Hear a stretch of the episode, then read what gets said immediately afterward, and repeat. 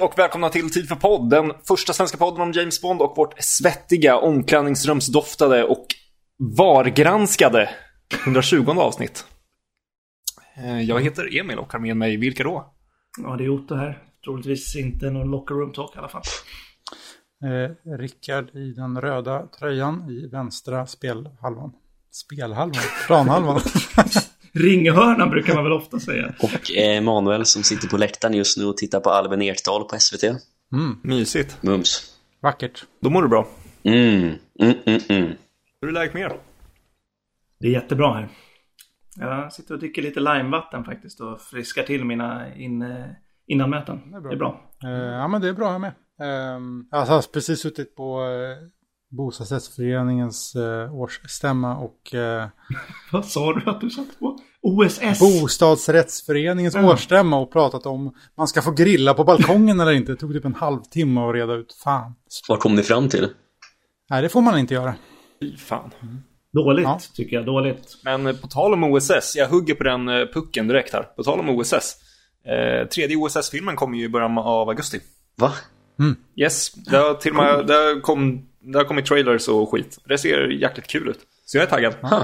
Jag är helt missat. Jag tänkte dock inte på OSS franska parodifilmer. Jag tänkte ju på oberoende staters samvälde. jag trodde du var på möte med dem. Det har varit Det konstigt. hade varit kul om det var det. Det är ur synk Ja. här direkt känner jag.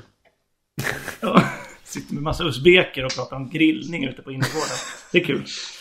Ja, nej men eh, vad fan. Ja, men OSS-filmen kommer bli skoj. Alltså Alltså, jag, jag fattar ju inte trailern för att det är alltid på franska och ingen översättning. Men det ser kul ut och det räcker för mig. Alltså jag letade över hela internet efter en trailer med engelska texter och det fanns inte. Ja. Det, Det är bara att lära sig franska då. nej, aldrig. Herregud. Ja, Men lära sig franska ur, eh, ur syfte att lära sig kolla på OSS. Sen kan du glömma det direkt. Aldrig prata franska med någon eller något, bara förstå. Nej, det, även det, nej, nej.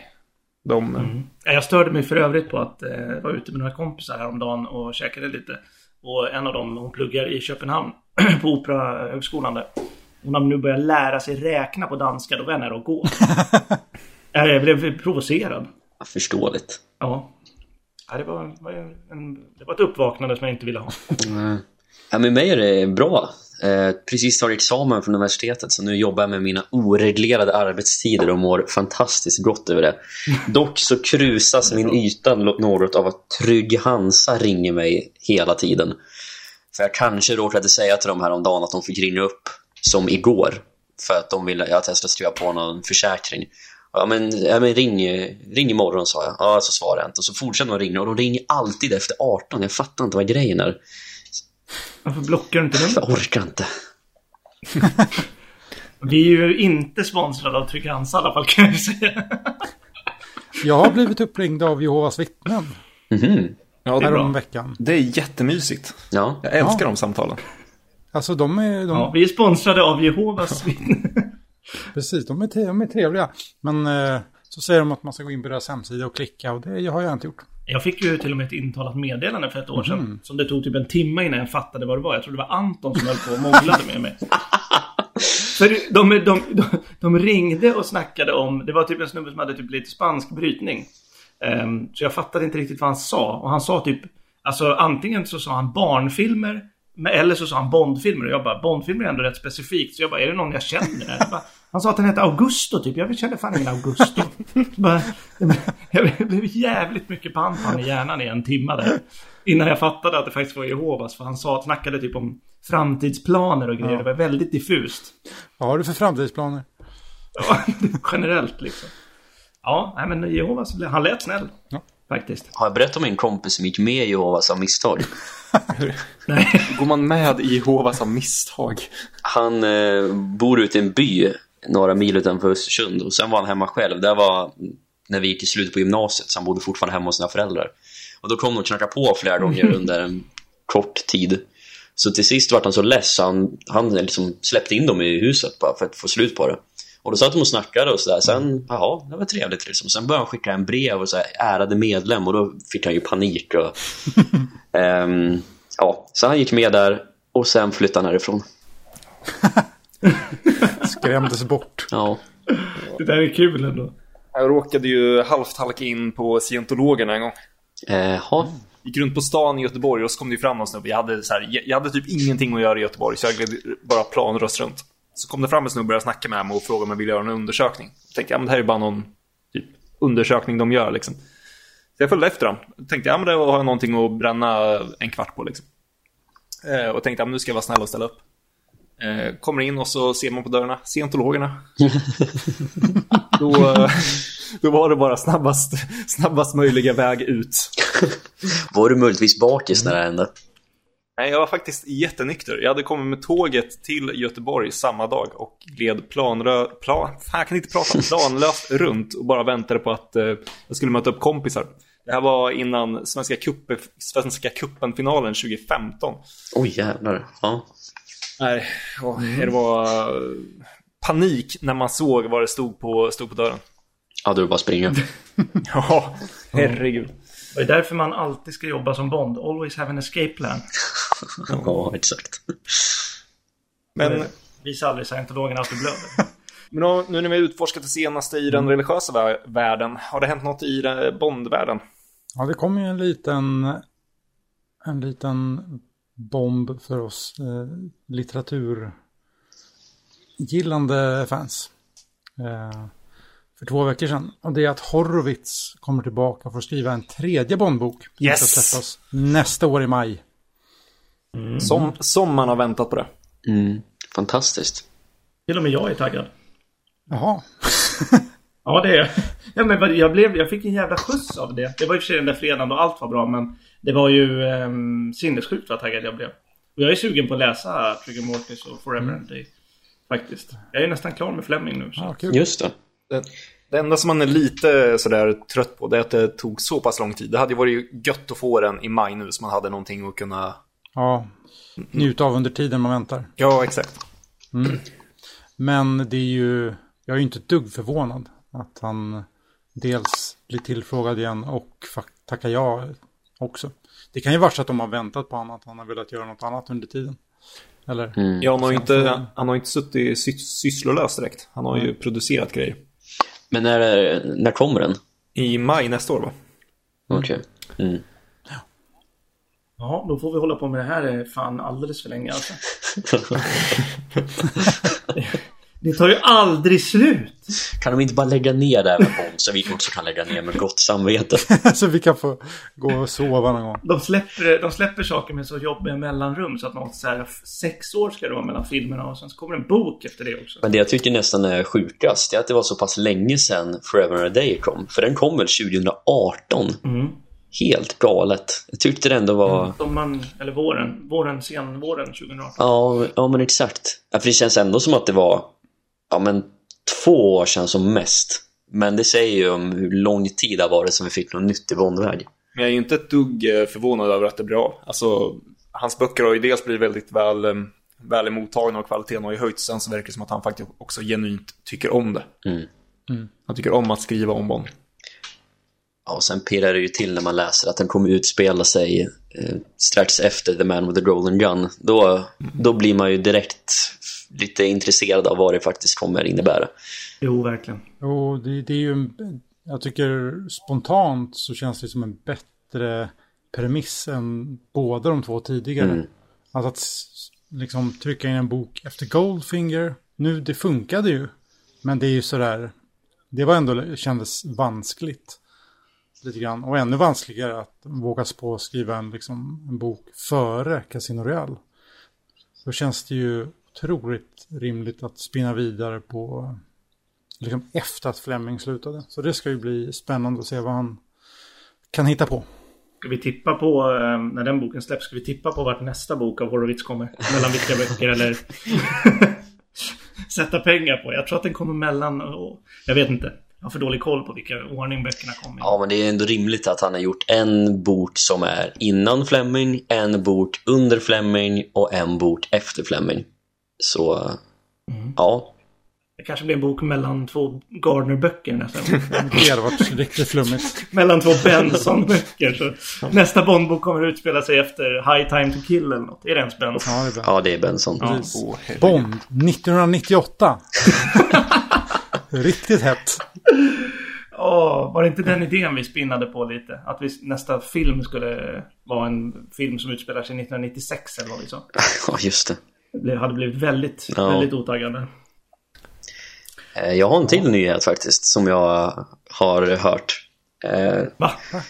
nej, det är absolut ingen spoiler. Jag lyssnar på den här Team Deakins-podden där Roger Deakins och hans fru intervjuar massa olika människor. Eh, och han har intervjuat Oitman Oitema, han har intervjuat Sam Mendes och massa andra människor. Och senaste avsnittet var Chris Corbold med. Och han eh, snackade om sin karriär och hur han började och han pratade jättemycket om Bond och hur mycket han älskar att jobba med Christopher Nolan och Sam Mendes och allt det där. Men han släppte en bomb i slutet av det avsnittet.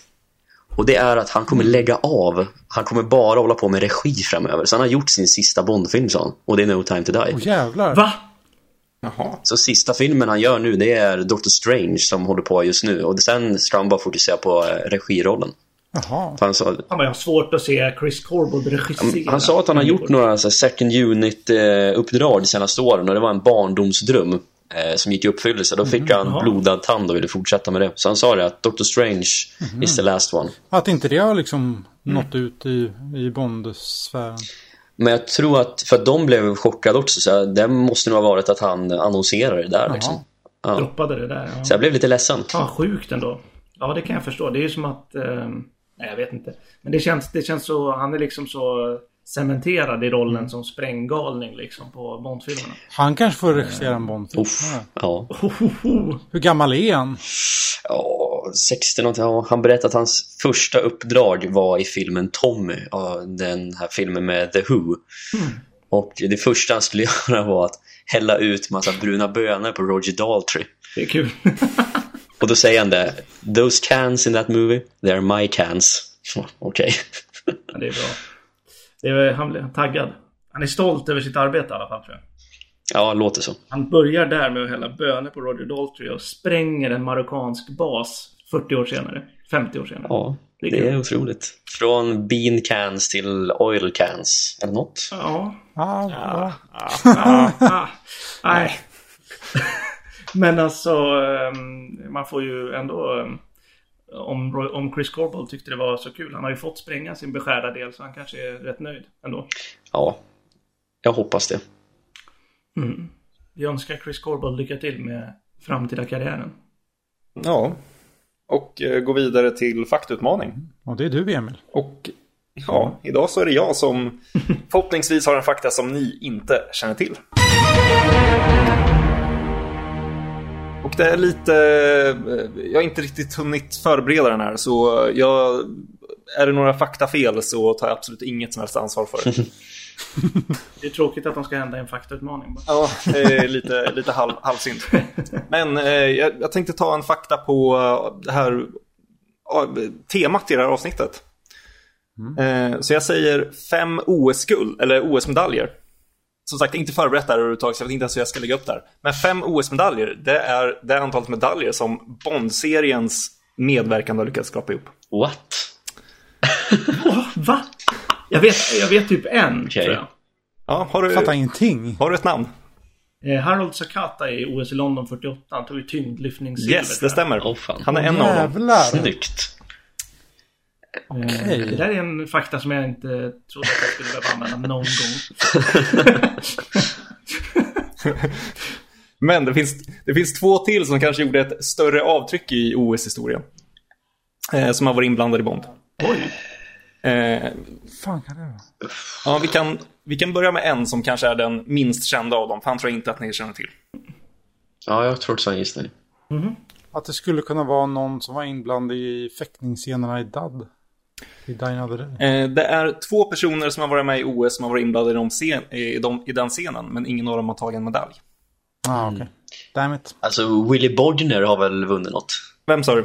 Willy du? Bodner har väl vunnit något? Eller? Nej, men han är också en av de, eh, jag kan säga att totalt har det varit nio eh, personer som har varit med i olympiska spelen som har jobbat eller medverkat på en Bondfilm. Mm. Eh, så Willy Bogner var med, hans bästa resultat tror jag var, eh, fast jag hade det framme alldeles nyss. Eh, hans bästa resultat eh, var en, en nionde plats i störtloppet. Han tävlade både eh, 60 och 64 och kom nia. Såklart han körde stört. Jag tycker det är så jävla underbart att se Willy Bogner och... Körde han störtloppet baklänges då eller? Det var därför han kom nia. Han hade kommit etta om han körde framåt. Alla andra tävlandes filmades av ett tv-bolag, men han filmade sig själv när han åkte ner istället. Det, det är ändå kul. Men om jag ska ta de två lite större då. En som jag tror inte ni känner till det från Bond-sammanhang eller OS-sammanhang. Men det är Bernard Russi. Eh, som jobbade som... Eh, ja, åkte skidor i Secret Service helt enkelt. Eh, ska se, hans roll var... Eh, ja, han var stuntman i Secret Service. Och under inspelning av Secret Service var han 19 år tror jag. Eh, och då bröt han också halskotan. Oj. Men han eh, repade sig från det och drog till eh, OS 72 och vann guld i störtlopp. Jävlar. Eh, Fräckt. Jävlar vad och coolt. var även med eh, 76 och vann silver i samma disciplin.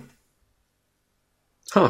Men den, den kanske mest välkända av dem alla eh, är faktiskt eh, den, han tror jag ni vet vem ni är, ni kan i alla fall peka ut han i filmen. Och det är Rafer Johnson som är med i eh, License to Kill och spelar en av DEA-agenterna i början. Han har... Han som springer mot kameran eller? Ja, han är en av dem. Ja. Och han har två OS-medaljer. Eh, bägge två i, i tiokamp. Eh, han vann, eh, nu ska vi se, han vann silver 56 och guld 1960. Och i OS 1960 så fick han dessutom bära flaggan eh, när USA gick in. Och 1984 eh, när OS var i Los Angeles så var det han som tände eh, den olympiska facklan. Ha, Det var som fan. Och jävlar vad coolt. jäklar. Jag blev helt golvad. Ja, det var helt... Ja, det här var ju... Vilken jävla faktautmaning. Så, det var, det var min fakta. Totalt nio olympier, fem medaljer. Och den tog du på uppstuds. Jag blev, eh, jag blev nyfiken så jag googlade och eh, lyckades hitta info snabbt. Jävlar. Ja, det är starkt jobbat alltså. Ja, det är bra. Ja. Starkt jobbat. Ja, verkligen. Ja, så det var min Det är fakta. ju... Fem Prestera under press. Mm, Fem OS-medaljer och fem Oscars, eller vad är det? Ja, det är lika många OS-medaljer. Oscars är jävla sopserie vi håller på med. Jag tycker ändå det är fint Otto, att du sa vi. Vi har lika många. Alltså, ja, jo, förlåt. Eh, Nu, börjar, nu, nu, nu, har, det- nu har det snappat totalt här känner jag. Ja, men ibland känner man en liten tillhörighet. Man blir ju stolt av någon outgrundlig anledning när Bond-serien gör något bra. Av någon anledning. Fast man har noll delaktighet i det. Ja, Eller men- det blir jag i alla fall. Det är som att hålla på ett fotbollslag typ. Ja. Exakt. Ja. Eh, Men ska vi ta och hoppa in i avsnittet där? Eh, ja. För vi är ju mitt under ett fotbollsmästerskap. Eh, Fotbolls-EM håller på eh, och är i full gång. Och i sommar så är det dessutom sommar-OS i Tokyo som skulle varit förra året. Så ja, det passar väl otroligt bra att ta lite sommarlov med att snacka lite sport och Bond. Det har helt enkelt blivit tid för trikå och klara, färdiga, gå.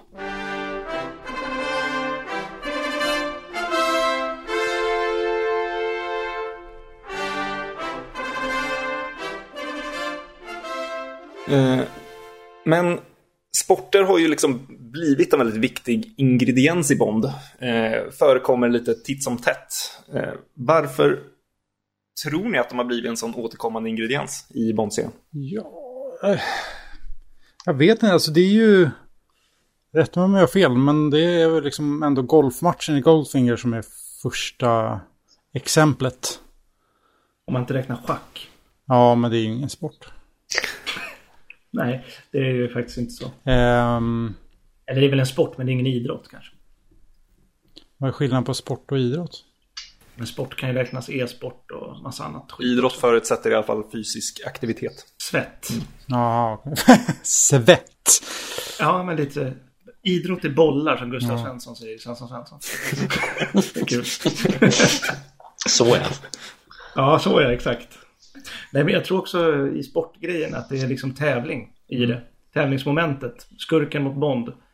Ehm, det är ju väldigt sä- sällan man får se liksom Bond mot Felix i en tävling. Förutom vid kasinot i Casino Royale. Men det känns som att det där tävlingsmomentet som finns i sport lämpar sig väldigt bra i en antagonist, protagonist eh, setting. Ja, precis. Det blir ju en metafor liksom för deras övriga bataljer. Precis. Ehm, På tal om e-sport, är eh, eh, scenen i Never Never, Never, Never Again den första e-sportscenen i filmhistorien? Ja, kanske. Jag hade aldrig, hade aldrig tänkt mig. Oh, vilka pionjärer. För, de var liksom inte nog med att de var först med parkour, de också först med e-sport.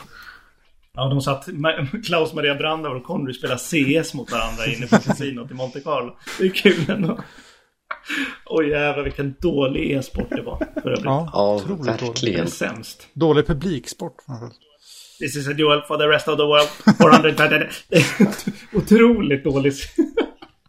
Och sen eh, liksom har vi liksom den andra eh, sidan av vad, vad sport har haft för eh, betydelse för Bondserien. Det är ju liksom det här att det exotiska med sport. Att åker vi till Tokyo så ska vi gå på sumobrottning. Åker vi till Thailand då är det kickboxning. Eh, finns det några fler sådana där exempel? Borde det väl finnas. Ja, men karaten i, Ja. karaten i The Maverick Golden. Vad fan den nu är någonstans Ja. som vi aldrig har fått reda på. Men den är någonstans. I, i Sydostasien i alla fall. Precis, ja men det är liksom sån kolla här vad som finns om man åker till det här landet. Lite så travel, travelog grej. Ehm, Ja, exakt. Och jag vet inte, de, om det nu är, vi säger att Goldfinger och John Lee Twice är först i serien, vilket de väl är. Thunder, Thunderball har väl inget. Lerduvet, skyttet. Ja, det kan man ju räkna in också. De kommer väl från Flemings penna från början båda två. Eh, så att någonstans har det börjat och så har det väl helt enkelt fastnat. Jag menar Goldfinger och Only Twice är ju kanske de mest stilbildande Bond-filmerna vi har i serien. Ja, nej, men det finns väl inte så mycket att tillägga. Det är ju ett ganska bra sätt att liksom introducera vad oftast vad skurken är för någon och även också framhäva Bonds styrkor och framhäva att Bond kan allt eller åtminstone är kompetent i det mesta. Eh, och det är ju ja, återigen rätta mig om jag har fel men alla gånger vi har sett sporter så är det ju inte direkt några lagsporter vi har sett utan det är ju alltid individualistiska sporter. Ja, det är väl- hockey. Ja, just jäklar. Ja, men då är det, det är ändå Bond mot ett ho- hockeylag så det blir typ, ja. Är det ens ett hockeylag? Det är ju bara typ tre pers. Första femman typ. Ah, det är så jäkla dålig scen. Det är, jag vill inte ens lägga fokus på det. Två var utvisade. Ja, Ja, exakt. Vi har ju Bob också i samma... Misstänker att det kommer att pratas mycket om For Your Eyes Only i den här filmen. Men... Eller i den här eh, avsnittet. ja. Men um, inte så mycket lagsport, nej. Och särskilt inte att Bond är med i en lagsport utan det är ju alltid sporter där han är i fokus. Det finns en bortklippt lagsport. Eh, Cricket. Yes. ja, Ja, just, just det. Casino Royale. Just det. ja. Det hade jag gillat ändå. Ja, Ja, Fast det förstör ju flytet i den där scenen något överjävligt. ja, ja jo, jo. Men, eh, ja. Alltså bortklippt från Pre-Titan kan man väl säga. I Casino Royale. Ja. ja. Sen är ju liksom också liksom sportelementet, eller vad man ska säga. Eh, är också en ac- action-ingrediens. Åka skidor eller ja, bob, eh, bobjakten i Secret Service. Eller spela tennis i en tullskytte. Exakt! Underskattat. Du står fast vid det alltså. Oh ja! Fem år senare så, så, så tycker du fortfarande att den är lika rolig. Det är kul. Jag tycker bara synd att det inte är någon tennisboll med.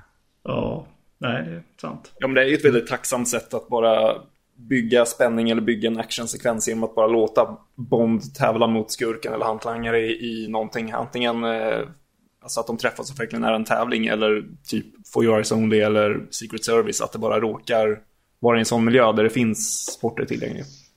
Det är ganska tacksamt. Mm. Eh, Men eh, hur är det då i böckerna? Om det nu kom från, eh, kom från någonstans.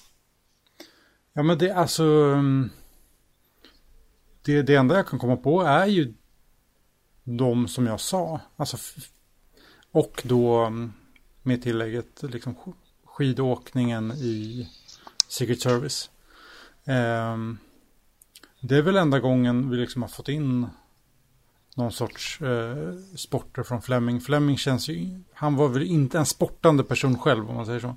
Nej. Eh, om inte var inte sport. Alltså, han har nog minst sportaura i hela Bondvärlden. Ja, han kunde väl sträcka sig så långt att simma på morgonen, men då hade han ju druckit whisky både innan och efter simturen, så att det räknas inte riktigt. Det finns ändå en del personer jag kan tänka mig som har mindre sportaura än Bunky får göra sånt. Jag har inte. Han har inte jättemycket sportaura. Det är inte sport jag tänker på när jag ser honom. Han, han har aura av att titta på sport. Ja, det har han. Så han är ju en riktig soffexpert. Ja. Det är han ju. Sitter och skriker över hur dålig Gascoigne var i 90 VM. Han är en Allan Svensson. Ja, verkligen så. verkligen så. Ja. Nej, men det finns ju en del sportiga typer i, i serien. Men annars om man som blickar bortanför Fleming så har vi ju en del sport. Jag tänker bara i eh, Devil May Care så har vi en tennissekvens. Just det. Ehm. Exakt, Ja, det har vi. det har vi. Ja, det har vi. Ja, Jag tycker det är roligt utan att ha läst boken. Ja, Den, är inte ens, den sidan är inte ens dålig. nej den är inte det. Det är bara något kul med att bara prata om den här boken. Ja. Eh, för han möter Ja. väl skurken där va, om jag inte minns helt fel. Han som Ja, har exakt. aphand eh, som Bond. Som fuskar, Vad fan är som fuskar genom att höja, sänka, höja och sänka nätet. Ja, just det. Det är ganska finurligt ändå kan jag tycka. Ja.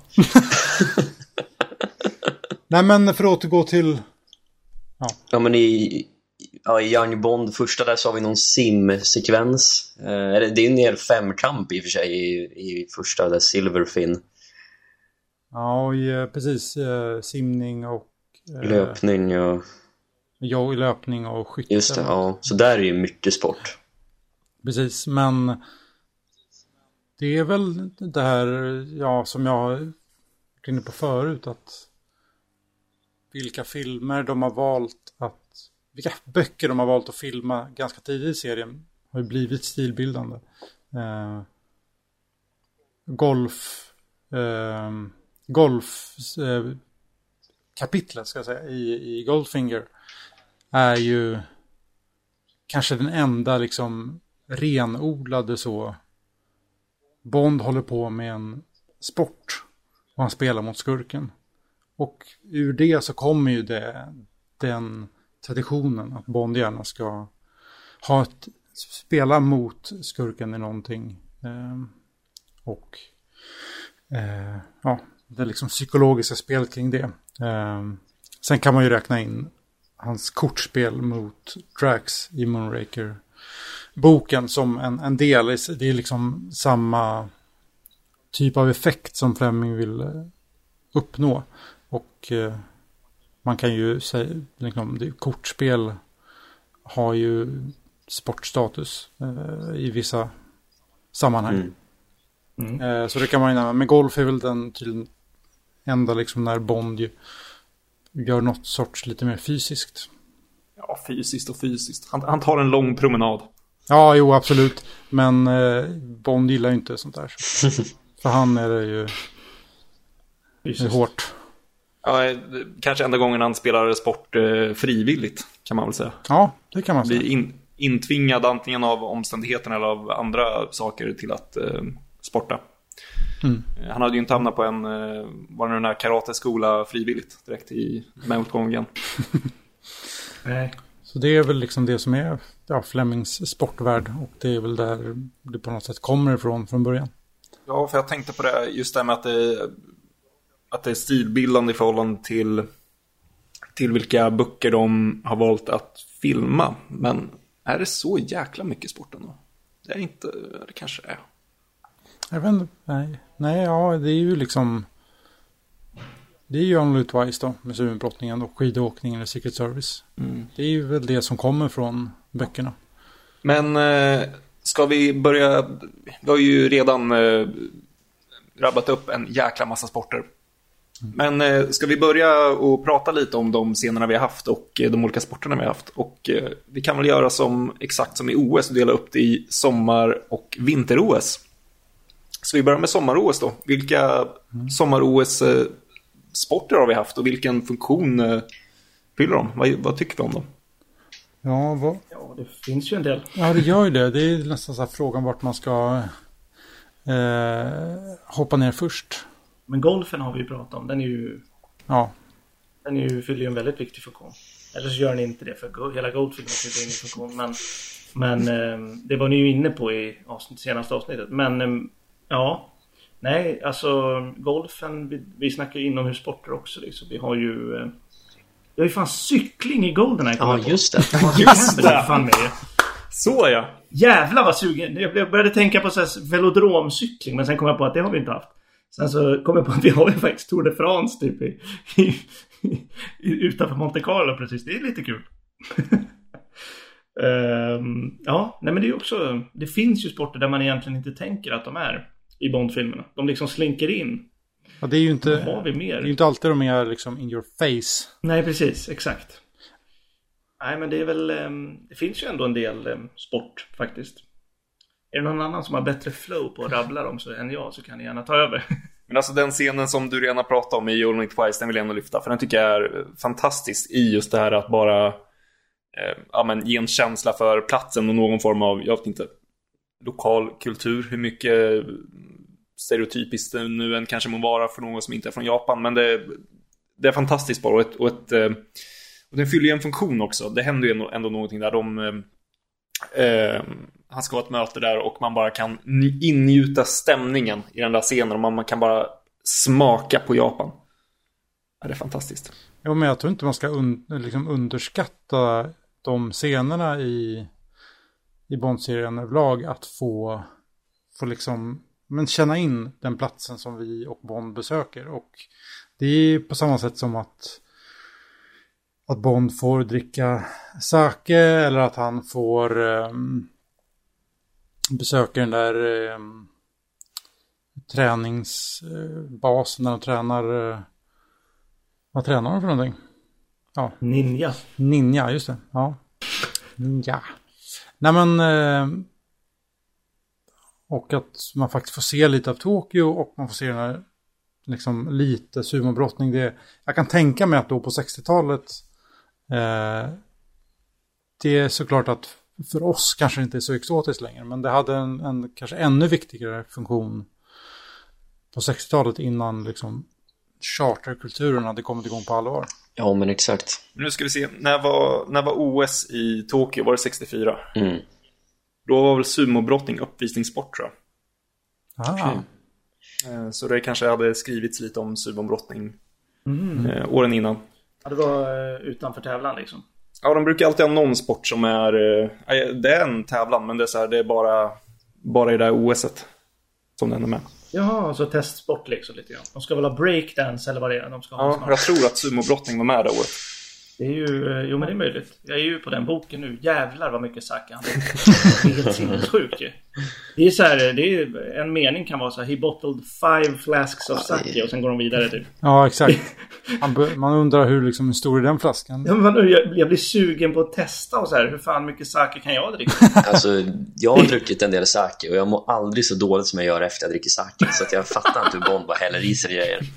Men sen är det ju en bok också. Ja, jo. Men det, är- man, vill, ju- man kanske, kanske blir lättare om man gör det med Dicko Henderson och Tiger Tanaka. Jag vet inte. Bastanta herrar. Ja, men jag tänker också med sporter i största allmänhet så känns det som att de sporterna som figurerar är ju sporter som kanske inte gemene man i England på 50 och 60-talet kunde nå. Golf till exempel var ju visserligen, ja, men du kan ju spela det i England givetvis, men alla kunde ju inte spela golf. För det är ju en, har ju prägeln av att vara en rikemanssport. Och samma sak med sumobrottning och sådär. Så att jag menar, hade de gjort det enkelt för sig själv så hade de kunnat satt Bond på valfri arena i England och gått kvar på fotboll. Men det är ju inte Bond heller.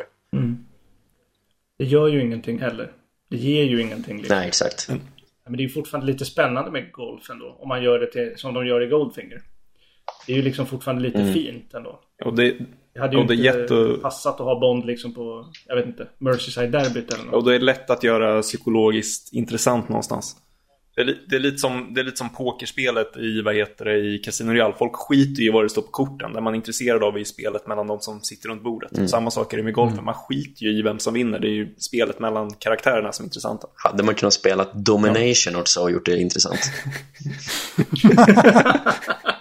Men det är ju det psykiska spelet mellan dem, det är det mentala spelet. Det var, där, det, var där de inte det var där de inte fattade i Never Never Again. Nej, exakt. Även om, även om Klaus Maria Brandauer försöker sitt bästa för att bringa sitt A-game till det där så... Ja, det blev ju som det blev. Men just det här med att man har en, eh, en sport bara för att man ska få en känsla av eh, landet och liknande. Det, var ju, det känns ju lite som att det var de, de försökte med i The Man with the Golden Gun men inte lyckades med. Och sen om vi ja, verkligen, bara ska slänga in lite, vad heter det, en vintersport med, men även eh, Cortina. Det är ju, jag tror inte att det är en slump att de hade just eh, att hon var eh, konståkerska och så vidare. Att de ville ju verkligen, Nej. de ville ju försöka få det, man ska verkligen ingjuta platsen. Mm. Och i The Golden Gun, om vi ska hålla sommarsporterna, så var väl inte det jättelyckat. Men de sneglade väl på You Only Twice och ville göra någonting liknande. Jo, precis. Ja. Längde ju in en del sporter där. Men sen är det ju också ett sport. Alltså det är ju extremt svårt att göra sport intressant i spelfilmer. Men om man lyckas mm. med det och har det som någon form av bakgrund så kan det ju vara, alltså det bidrar ju med någonting visuellt. Som när Bond träffar Aki Only Twice. Och då är ju inte sumobrottningen huvud saken med scenen utan det är ju bara bakgrunden och då blir det ju intressant. Hade vi däremot sett Bond gå upp i sumombrottningsringen så hade det ju absolut inte funkat på samma sätt för att du kan inte göra sport riktigt intressant på film om du inte verkligen integrerar det i storyn på något sätt. Så att det är därför sport liksom är mer av en bakgrundssak i Bond, Bond-filmerna. Ja, det som är viktigt med att liksom ha med sig från sport är väl att sport aldrig är liksom Alltså det är ju aldrig manusbundet. Det är det som gör att det är svårt att göra bra på film. För att skärmen med sport, all sport, är ju, att, är ju det där liksom oväntade. Och det oberäkneliga i sport. Liksom. Ja, exakt. Jag såg den här Roberto Baggio-filmen på Netflix häromdagen och det är fruktansvärt dåligt. För det, liksom, det går ju inte att stagea en fotbollsmatch på en spelfilm. Det är ganska pretentiöst kan jag tänka mig. Ja, otroligt. Alltså, så är det en skådespelare som inte kan spela fotboll heller. Mm. Så att jag trodde det var Baggio först själv. Ja, nej. En fotbollsspelare som inte kan spela fotboll. Ja, ja, det var, ja. nej, han var rätt bra. Men ja, nej, jag tycker som backdrop är det ju som bäst nästan. Även om jag gillar det i Goldfinger också, men jag älskar ju verkligen stämningssättningen mm. i Only Live Twice med musiken, med sumobrottningen, med eh, lösenordet, med liksom. Det, det, är en väldigt, väldigt stämningsfull scen. Mm. Och det tycker jag görs väldigt bra där. Men alltså jag tänker bara bara komma att tänka på det apropå Bond och liksom sport. Är det för er nödvändigt att se att Bond kan utöva många sporter? Till, tillför någonting till Bond som karaktär att han kan åka skidor i en Nej. film och sen kan han spela tennis i nästa film. Alltså vill ni att Bond ska vara en sån jack of all trades även när det kommer till sporter? Nej, alltså jag förväntar mig att han kan åka skidor, mm. men det är väl typ det. Mm. Och om, om man nu ska lyfta in lite andra sporter, typ ex, extremsporter. Jag kan tänka mig att han kan klättra dugligt. Han vet hur man gör det för han har tränat på det och så vidare. Men att han ska mm. vara någon form av så här, kan allt. Jag tycker inte det tillför någonting. Nej. Jag känner samma sak. Alltså de sakerna som han har användning för. Typ som han har med skidor och klättring mm. kanske. De är ju rimliga att han kan. Men Sen att han är en jävel på snooker, det skiter jag i fullständigt i liksom. Men det, det hade varit roligt att se Conry, ni har väl sett en intervju med Conry när han står med en biljardkö ja, i 42 minuter och spelar biljard samtidigt som han intervjuas. 67 ja. eller när det är. Jag hade ändå kunnat tänka mig Bond stå och spela snooker men um, Jag vet inte. Jag, jag tycker det är inget viktigt för mig alls. Jo, men Bond utövar väl inte så där jättemånga sporter egentligen. Uh, alltså golfscenen som är den mest tydliga, där, an, där antyds ju inte att han liksom är expert på golf. Det är väl mer att han Nej. spelar golf socialt, som han också gör i, i böckerna. Liksom. Mm. Uh, det antyds ju inte att han är bra. Och sen, det är väl inte jättemånga... Alltså i For Your Eyes Only gör han ju lite allt möjligt, men det är mest skidor liksom. Och framförallt så känns det inte som att han är jättebra på det heller utan bara att han, han hamnar i en slalombacke eller en uh, utförsbacke och han liksom åker runt där men han är inte expert på något sätt. Det är ju mm. mer troligt än om man liksom skulle dominera i varenda sak han börjar med.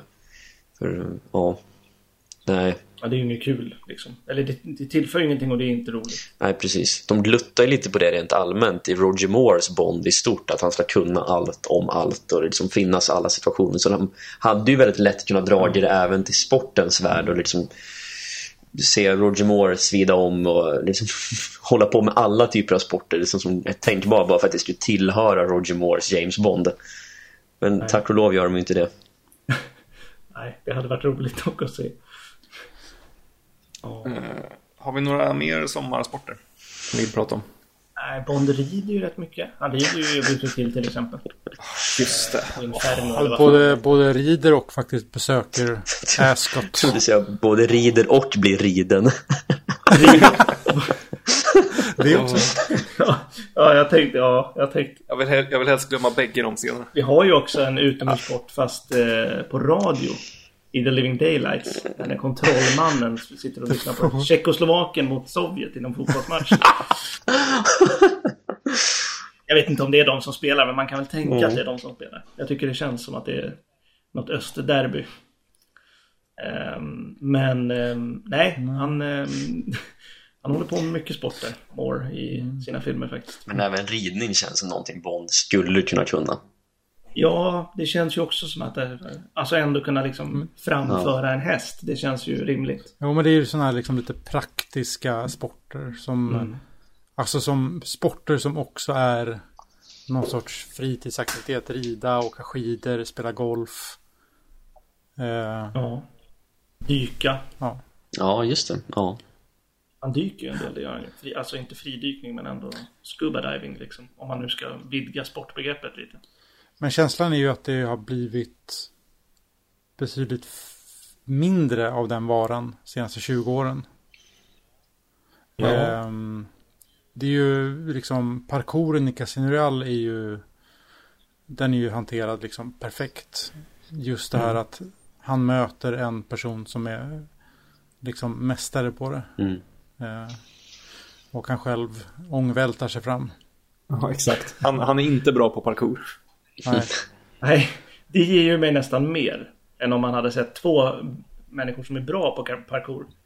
Det hade varit helt ointressant liksom. Eller det hade gjort väldigt mycket mindre för den scenen tycker jag. Jo, Om Bond också hade gjort samma sak igen liksom. Men det är ju därför det är liksom biljakten i Spectre är trist. För det är två liksom fantastiska bilar mot varandra som bara åker runt. Så bara. Framförallt på en gata som är helt tom i typ Ja, exakt. Det är också. en av de mest stressiga städerna i, i Europa annars liksom. Men det har väl att göra också med att Bond-filmerna som, just som jag pratade om förut, att de har ju blivit mer actionfilmer och då finns inte plats liksom, att utöva sport på det sättet. Utan när det väl blir action och fysiskt, ja men då ska det vara en actionsekvens istället. Mer utpräglat. Men man kan ju fortfarande sätta det i liksom en sån kontext. Mm. Tänker jag. Die Another Day, Die Another Day försöker ju Ja, göra liksom en ny Goldfinger-scen med att han visar diamanterna och så ska de fäktas. och hålla på. Mm. Ehm, och det funkar väl ja, behjälpligt. sådär. Ja, precis. Jag tycker ju det måste ju få nämna vattenskidåkning Ja, just också det. i License to Kill. För jävla fint Ja. ändå. Innan vi går vidare, tänker jag. Mm. Jag, tänk, jag tänkte bara Tack. på Diana Day, men eh, nej, vi kan skita i det. Surfning. Oh! Just det! Det är sant. Han surfar ju fan två gånger i samma film. Det är inte ofta. Ja, nej. Där, där har vi lite så här Roger Moore-syndromet. Han kan surfa och är perfe- mm, jättebra på det. Han kan fäktas och jättebra på det. Ja. Ja, det... Han kan surfa på en vanlig våg och sen kan han surfa på en fucking tsunami. han, är liksom, han, han måste vara mästersurfare nu. Ja, det, det, det stör mig lite faktiskt. Men det är väl därför de scenerna i Another Day liksom inte funkar. Eller dels också, varför skulle en brittisk agent surfa till Nordkorea? Mm. Nej, nu har han surfat inte från England såklart. Orkar bara surfa hela vägen. Han, sit, han, han sitter på sin bräda, liftar bakom någon tankbåt i så här 200 000 mil. Bara kör. Nej, det är kul. Ni kan släppa mig här borta vid Hongkin-bukten så tar jag resten själv. Kul. Åker till eh, Dover och bara går ut i vattnet. Va? Ses Korea då? Ja, exakt. Don't forget to write liksom. Och så drar han bara. Det är ju kul. Sitter och paddlar när det inte är någon. Ja. Kan ni gasa på lite här så jag får lite fart av er sen när ni släpper av mig vid Sydkorea? Ja, det är Ja, det är dumt. Ja, det är dumt. Det är dunderlångt att surfa mellan England och Nordkorea. Ja, det är det fan. Nej, det är ju inte det problemet huvudsakligen jag har med kitesurfing-tsunamin Nej, i nej, det är- det... det vill jag hävda. Det finns ju större problem. Men grejen med surfning i the Dale så känns som att det tog de in för att det var lite på modet att surfa 2002. Det var liksom häftigt att surfa då med, Ja, verkligen. ja, det känns som att de hade inte tagit in det om inte det hade liksom varit stort på MTV typ. Fast också så här, surfning hade varit... Alltså skulle man ta när surfning egentligen var coolt, då var det ju så här 12 år innan det med Point Break. Ja, exakt. Eller 11 år innan. Så de var ju liksom 10 år sena på bollen. Trodde att de var fräscha. Ja, Det var ju, var ju som det var. men det är väl som Bond-serien brukar vara nu för tiden. Alltid lite efter, alltid steget efter. Ja, Mm. tyvärr. Och se hur det blir nu i No Time To Die. Ja, Två år efter den. nej. Superskarpa referenser ifall filmen hade kommit 2019. När den kommer 2021 så flyger inget av skämten. Nej, nej, fy fan vad jobbigt det skulle vara. De lägger in något som var jättestort 2019. Mm. Vi fattar ingenting. Fidget spinners. Kul ger honom en fidget spinner. Som kan, som kan skjuta ut grejer. Ja, det är så dumt. Ja, herregud. Ja. Eh, Bond får inga, Bond får inte 50 gold sovereigns, han får 50 bitcoin istället. Hon blir miljardär direkt. Filmen slutar med att han sitter och är miljardär själv någonstans. Det är kul. Åh, herregud vad jag inte vill ha bitcoin i Bond-serien. Nej. Jag blev lite illamående nu. Ja, Rami, Rami Malek kör en monolog om ethereum i nästa film. Ja, det där låter ju typ inte helt orimligt heller. Nej, Och de ska snacka om blockchains För- och skit och fan. Jag hade älskat om det. Nej, fy At fan. first it was a dream. Now it was reality. Och så drar han en massa bitcoin-monologer. Det känns ju helt Kommer otroligt. gående mot kameran. Ja, exakt. Oj jävlar. Åh, nej, Åh, vad kul. inverterad gåshud bara att tänka på det. Ja, ja, uff. ja. Ja, nu, Åh, herregud. Ska vi lämna, lämna sommar-OS och lämna bitcoin? ja, nu tappar vi styrfart känner jag. ja, verkligen.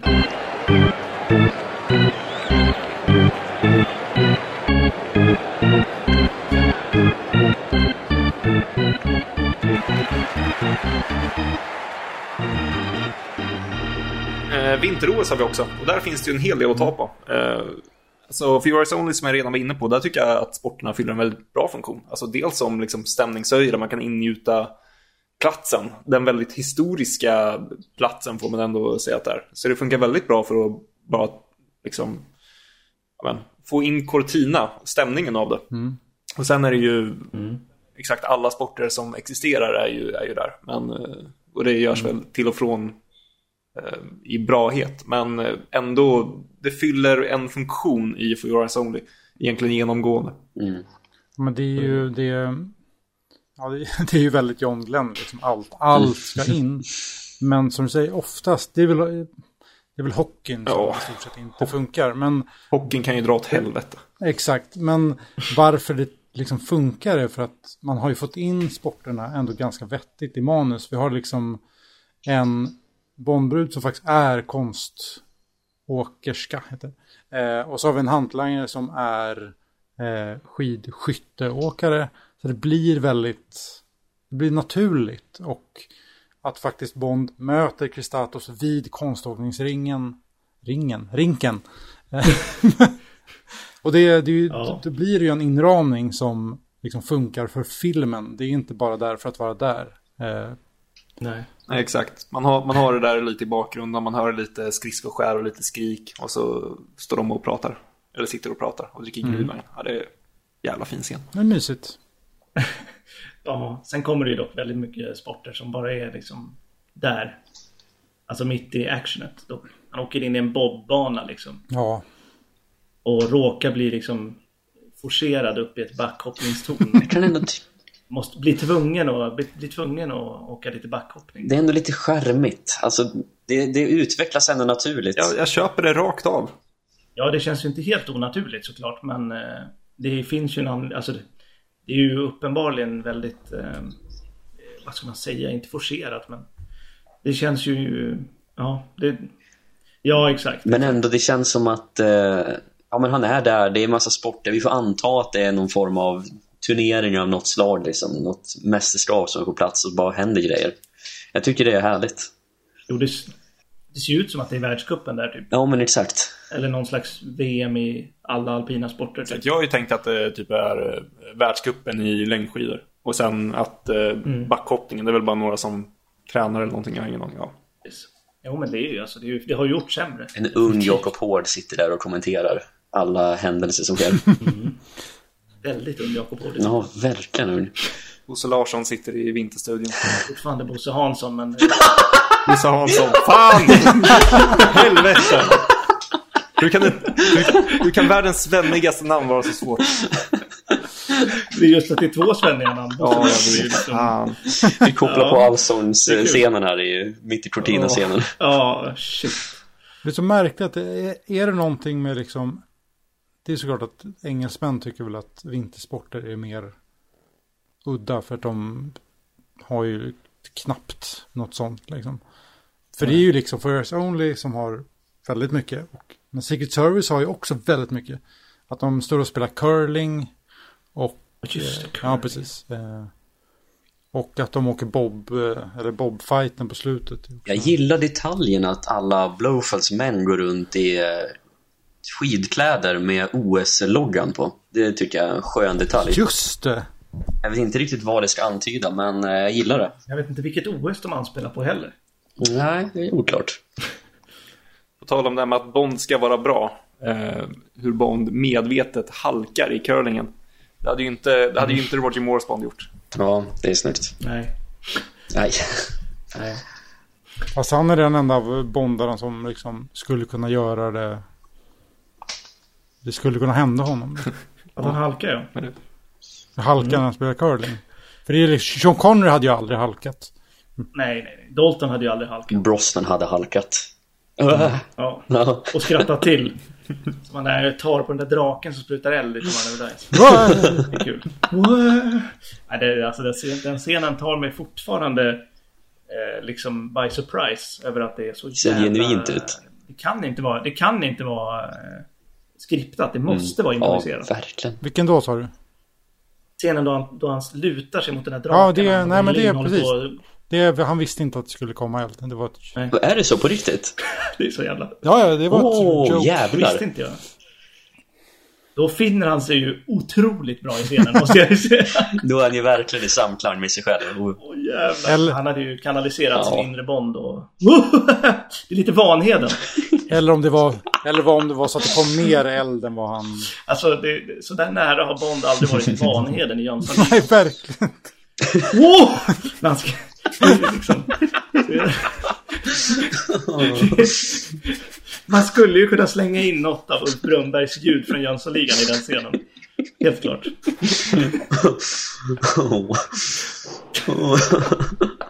Gud vad dumt. Ja, det är dumt. Ja. Men kul. Ja, ja väldigt. Ja, Pierce Brosnan är Vanheden. Alltid kommer man tillbaka till Pierce Brosnan. Det spelar ingen roll vad man pratar om. Man landar alltid i den mannen. eller Ulf Brunnberg.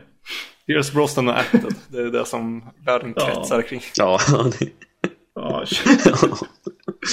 Ja, shit alltså. Nej, men ehm, det är ju ändå en del bra, liksom. Vad har vi för fler vintersporter? Det var inte så mycket vinter i... Ja, men det är ju... Det var väl Secret Service då det var vinter första gången, typ, känns det Ja men, det, ja, men det är ju just en vintersport som sticker ut och det är ju skidåkningen. Som återkommer i flera, liksom, flera filmer. Och som någonstans är, Ja. jag vet inte, alltså man kanske inte riktigt tänker på det som en sport, men skidåkningen är ju, alltså Bond-serien är ändå känd för sina skidåkningsscener. Mm.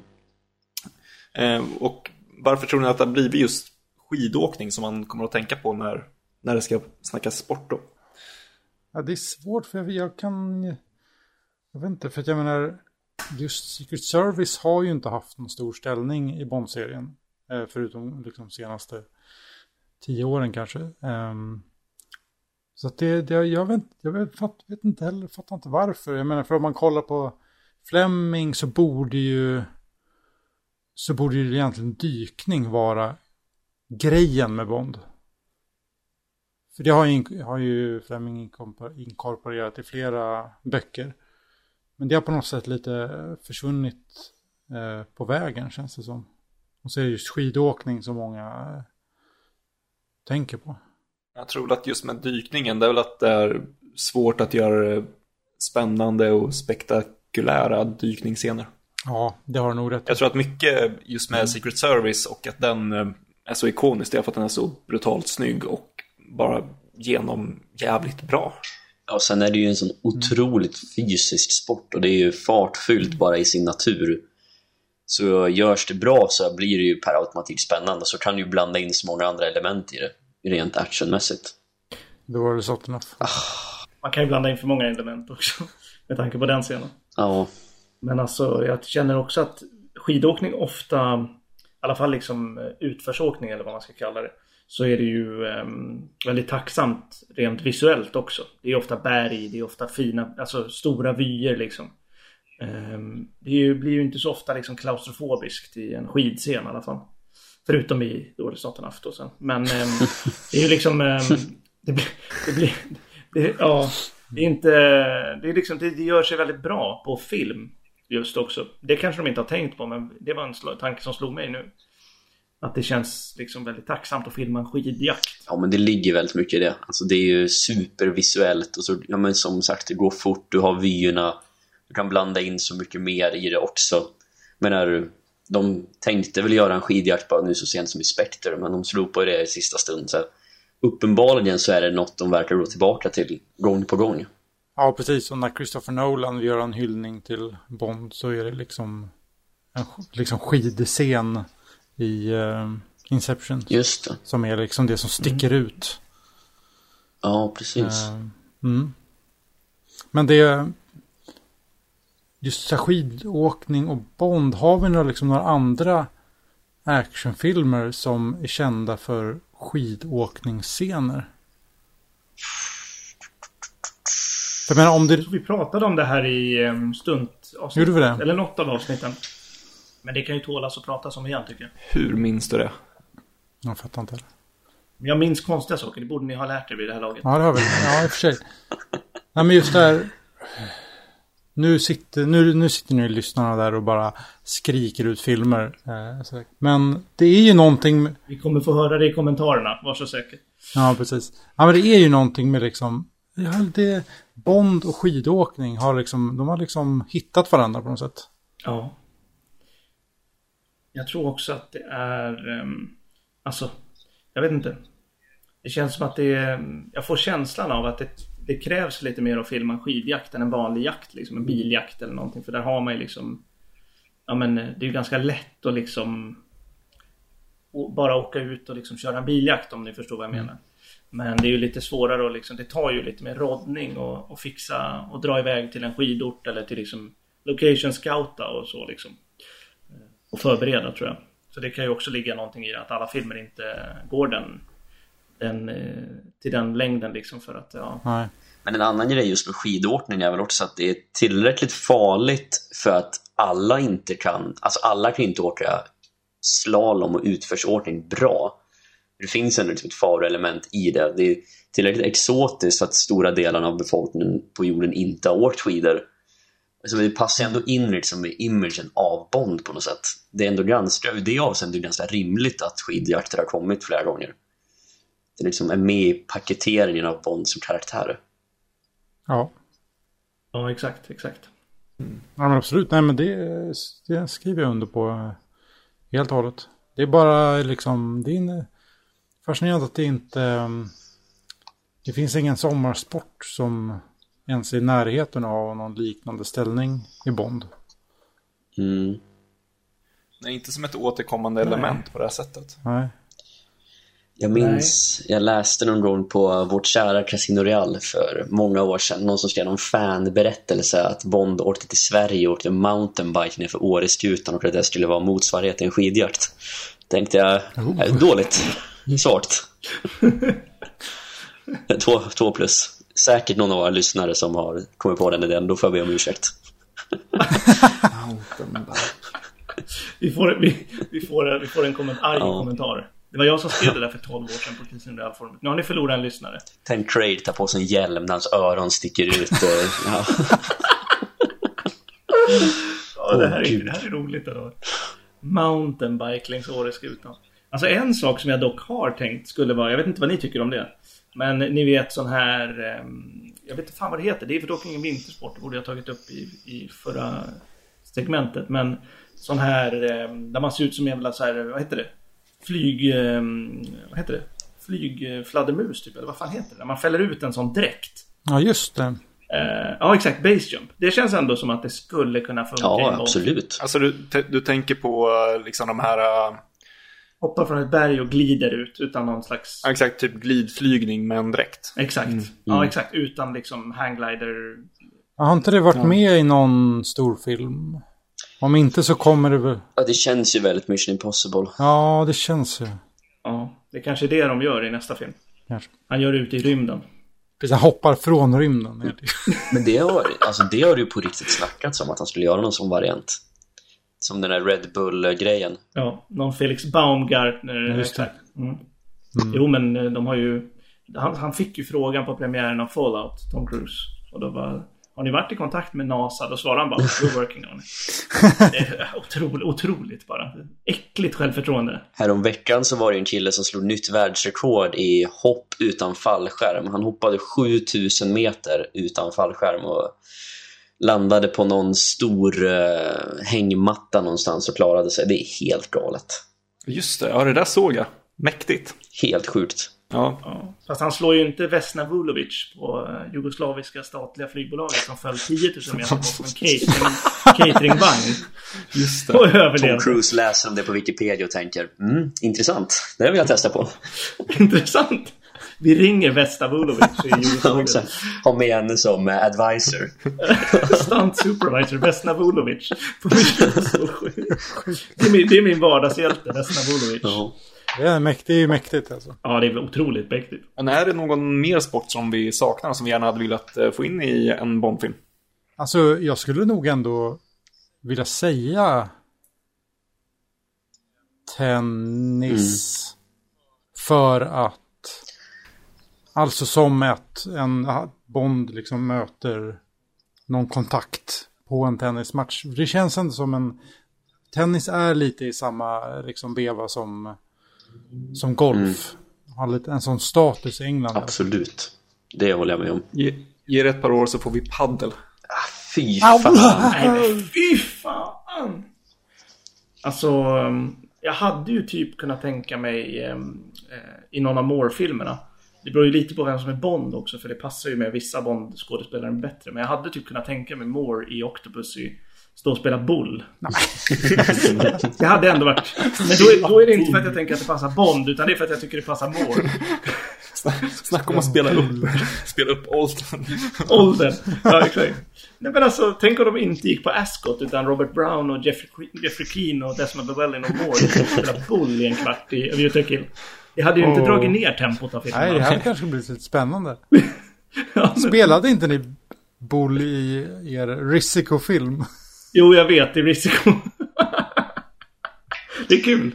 Men alltså jag tänker på det du sa för en stund sedan Otto med Snooter. Det hade väl inte varit helt orimligt där på 80-talet för den här eh, The Color of Money kom ju med Tom Cruise 86. Då känns det som att hade Moore gjort en till film 87, ja varför inte liksom?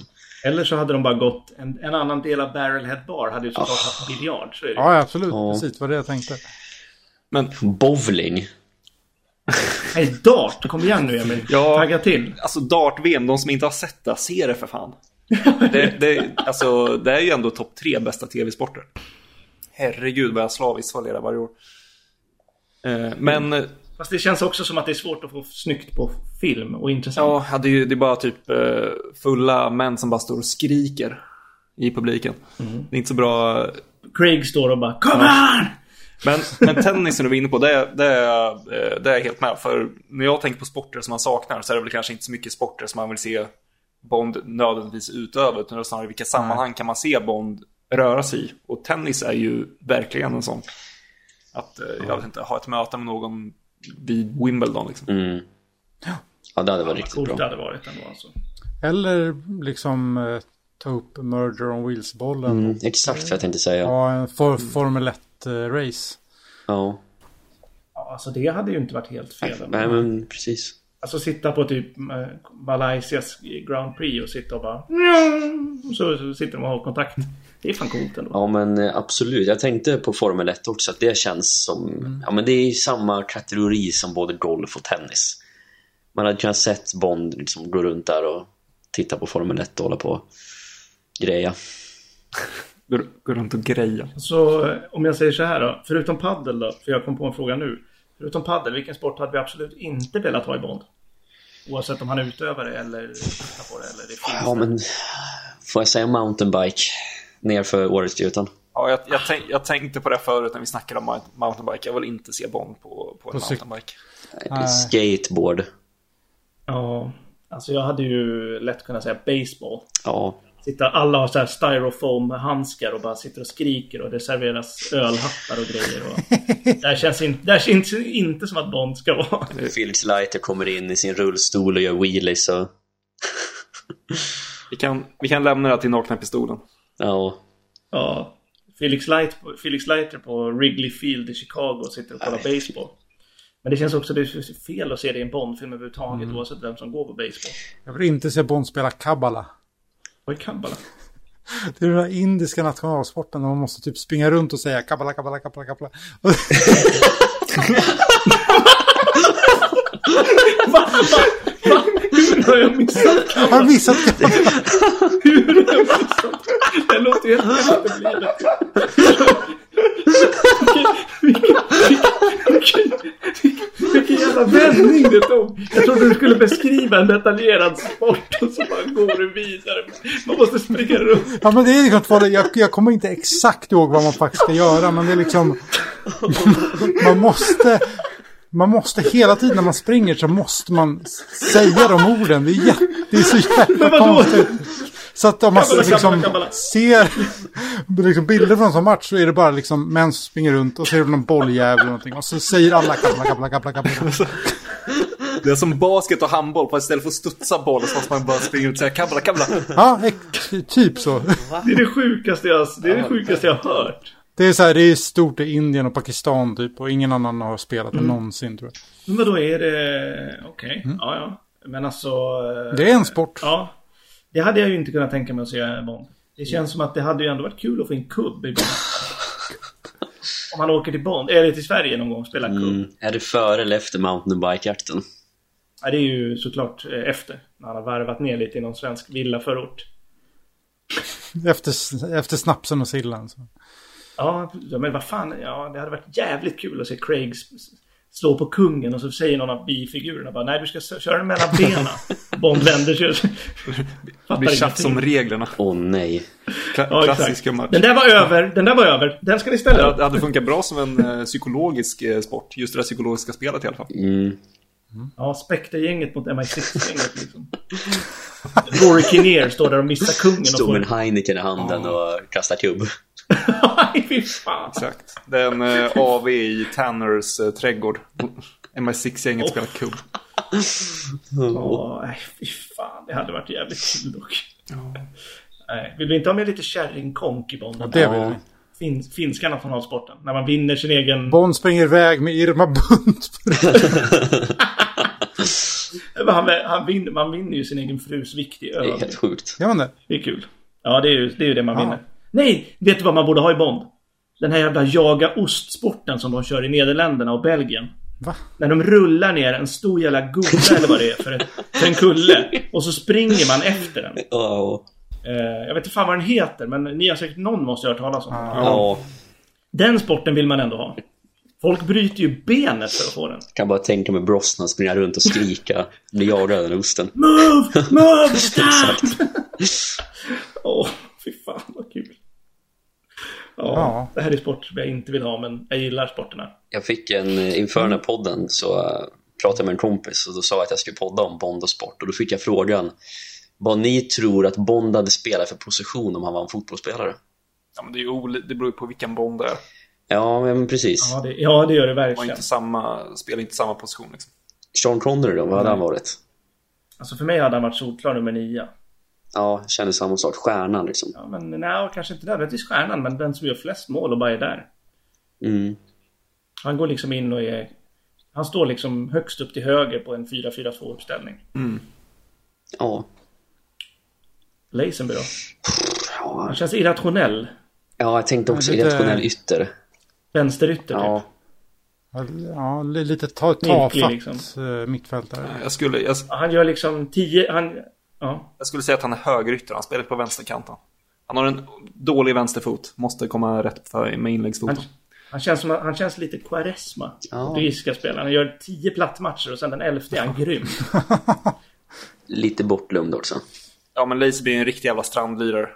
Ja, ja, ja. ja Han har ju alltid med sig bollen till stranden. Mm. Han är liksom, han är borta från sin klubb i tre månader och sen så hittar de honom i Copacabana. jag, var, fan, jag, jag tänkte komma tillbaka när det passar. Ja, exakt. Lite Ronaldinho över honom. Ja, lite Romario tänker jag på snarare. Men eh, Moore då? Ja, jag tänker mig att han spelar långt upp i åldern. Ja, ex Och då är det ju så här sittande mittfältare Ja. eller målvakt eller något. Ja, precis. exakt. Jag tänkte längre ner i banan och sån här mera klassisk, Libro. nästan mittback. Ja, En bänknötande mittback. Ja. Ja. Dalton, det känner jag, han är ju en solklar regista. Han är tänkaren. Han som är, ser de bra passningarna. Och, Pirlo. ja, exakt. Exakt. Han rör sig inte så mycket, men när han väl gör det så är det väldigt bra bara. Trekvartistan. Det är, Han hittar lösningarna. är det en liten kanté i Dalton vi har? Ja, varför inte? Ja, det Brosnan då? en riktigt dålig mittfältare. Ja, men exakt. Nummer sex på ryggen och bara sparkar ner folk. Bernblom typ. Ja, men som ändå, som ändå tror att han är, han är lite av en stjärna. Han vill ha stjärnstatusen, men han är inte, han är inte där. Han tror han är De Bruyne liksom. Nej, precis. Han har nummer sex på ryggen i Millwall eller något. Det känns ändå Brosnan. Men älskar sitt egna utseende och väldigt, han är väldigt mån om att inte se ut som en Championship-spelare. Han får inte liksom se brunkig ut. Tio spelare ser ut som att de ska på till puben sen. Elfte spelaren ser ut som att han ska på Oscarsgalan. Det blir... Exakt. Br- Brosnan är den som kliver ut med liksom riktigt rejält välkammat hår. ja, exakt. Tänker Ja. mer på sig själv och sitt utseende när man tänker på laget. ja, verkligen. Noll poäng, Ja. men håret ser bra ut i alla fall. Craig då? Där känns det ju ganska solklart vad han spelar. Ja, Jag tänkte snarare eh, ytterback. Inte den här moderna ytterbacken, mer den eh, gamla skolan. Ja, jag tänker han är lite för kort för att vara mittback. Mm. Ja, exakt. Det är därför jag, jag vill ha ut han på... Jag vill ha, Ja, jo, i och för sig. Han ska vara där på kanten, ta några löpdueller och sänka någon. Men han, ska inte, han är inte den här moderna mittbacken som kliver upp långt. Nej, exakt. Han överlappar ju inte. Han är ingen jävla spelfördelare. Han är inte Trent Alexander-Arnold, utan han står ju nere med de andra mittbackarna och bara Nej, exakt. välkomnar. Jag tänker ju mer att han är typ en Cannavaro-typen. Kort och terrier bara. Jobbig som fan och biter folk och håller på. Men det känns som att Craig gillar att springa ändå, när han väl måste. Kanske. Men en liten Cafu då? Ja, lite hållet, absolut. Men han är ju absolut försvarare i första hand. Jo, jo, absolut. Vem tränar det här laget då? Av regissörerna? Om det var en av regissörerna Ja, det är ju inte Michael Apple fall. Ja, inte Mark Forster heller. Nej, man vill, man, man vill ju ha Cubby Broccoli där ändå på något sätt. Står och tuggar tuggummi och bara... Ja, men han är sportchef. Men jag vet inte. Ja, han är sportchef. Och vi tar eh, regissörerna då. Vem, vem coachar? Vem känns som de har mest coach i sig? Alltså, jag kan ju se mig Martin Campbell stå på sidlinjen. Jaha. Och så skrika. Come on, come on! Sharp as a knife! Come on! Balls to the wall! Balls to the wall! Och skriker. Action! Jag skulle säga att eh, den som är i början av säsongen är John Glenn. Han vill bara spela så här anfallsfotboll. Han har inte riktigt koll på hur man styr upp försvarsspel. Så laget är på väg att åka ur. Då får han sparken. Och då kommer Campbell in och räddar kontraktet. Ja, exakt. Vad, vad spelade Connery för position när han var fotbollsspelare? Är det någon som vet det? var väl eh, ytter va? Jag för mig. Ja, ingen aning. Ja, det känns som att han måste vara långt upp i banan i alla fall. Men där har ni i alla fall fått vår eh, startelva. Startelva. Exakt. Det laget hade inte gått långt. Nej, verkligen inte. De glorificerar. Det ska vara fart och fröjd och hända mycket. Gillar också att vissa har sex stycken killar, men Moore får starta på bänken ändå. Det tycker jag är lite roligt. Nej, han tar ju... Han, han går ju ut efter 20 minuter. Då kommer Martin Crazy in istället. det är så det är. Ja, Willy Bogner sköt ju drönarfotografen i alla fall. Och sen kan vi fylla ut det med alla James Bonds i Casino Royale 67. De får vara dussinspelarna som kommer in vid behov. Woody, Woody Allen spelar vänster mitt. Ja, exakt. Ja, herrejävlar alltså. Ska vi ta och runda av avsnittet där? Ja, nu tar vi sommarlov grabbar. Herregud, nu tar vi, ver- nu tar vi verkligen sommarlov. Men innan vi tar sommarlov så får vi ta och tacka Anton som klipper och är superproducenten. Tack till eh, Lars Logotyp och tack till Thomas Drugg och Anders Frejd, Agent 07.nu och From Sweden with Love. Och tack till er som har lyssnat och varit med oss den här uh, våren. Så kommer vi att höras igen, ja, tidig höst, jag vet inte, augusti kanske. Mm. Och så... Ja, där vi kanske går in i någon upptrappning till No Time To Die. Ja, ju, ja. man vågar ju knappt hoppas, men... Nej, jag skiter i den här podden nu. Alltså. Jag orkar inte. Nej men alltså det är för långt kvar. Det här är jobbigt. Alltså. Ja. Jag är rastlös människa och jag har ändå hållit på med det här i sex år nu. Fan, jag orkar inte. Men alltså... Ja, herregud. Alltså kom, kom... Om det kommer en film, en liten film i mm. september. Mm. Helvete vad taggade vi kommer vara när vi sitter Ja. Så är det ju. Så är det ju. Men jag tänker inte ta ut någon seger i förskott. Nej. Men alltså, kommer filmen då... Um, ja, då är det ju... Um, då vet vi vilka som kommer vara mest taggade i alla fall. Men No Time To Die-trailern eh, skvallrar ju inte om att det blir sådär jättemycket sport i filmen. Så ni får väl ha en sportig sommar istället med fotbolls-EM och OS. Så hörs vi igen mm. efter sommaren. Och lite, lite kabbala. kabbala, kabbala, kabbala. Så ha det bra så länge så hörs vi. Glad sommar allihopa. Glad sommar alla killar. Ha det bra. Vi hörs. Glad sommar.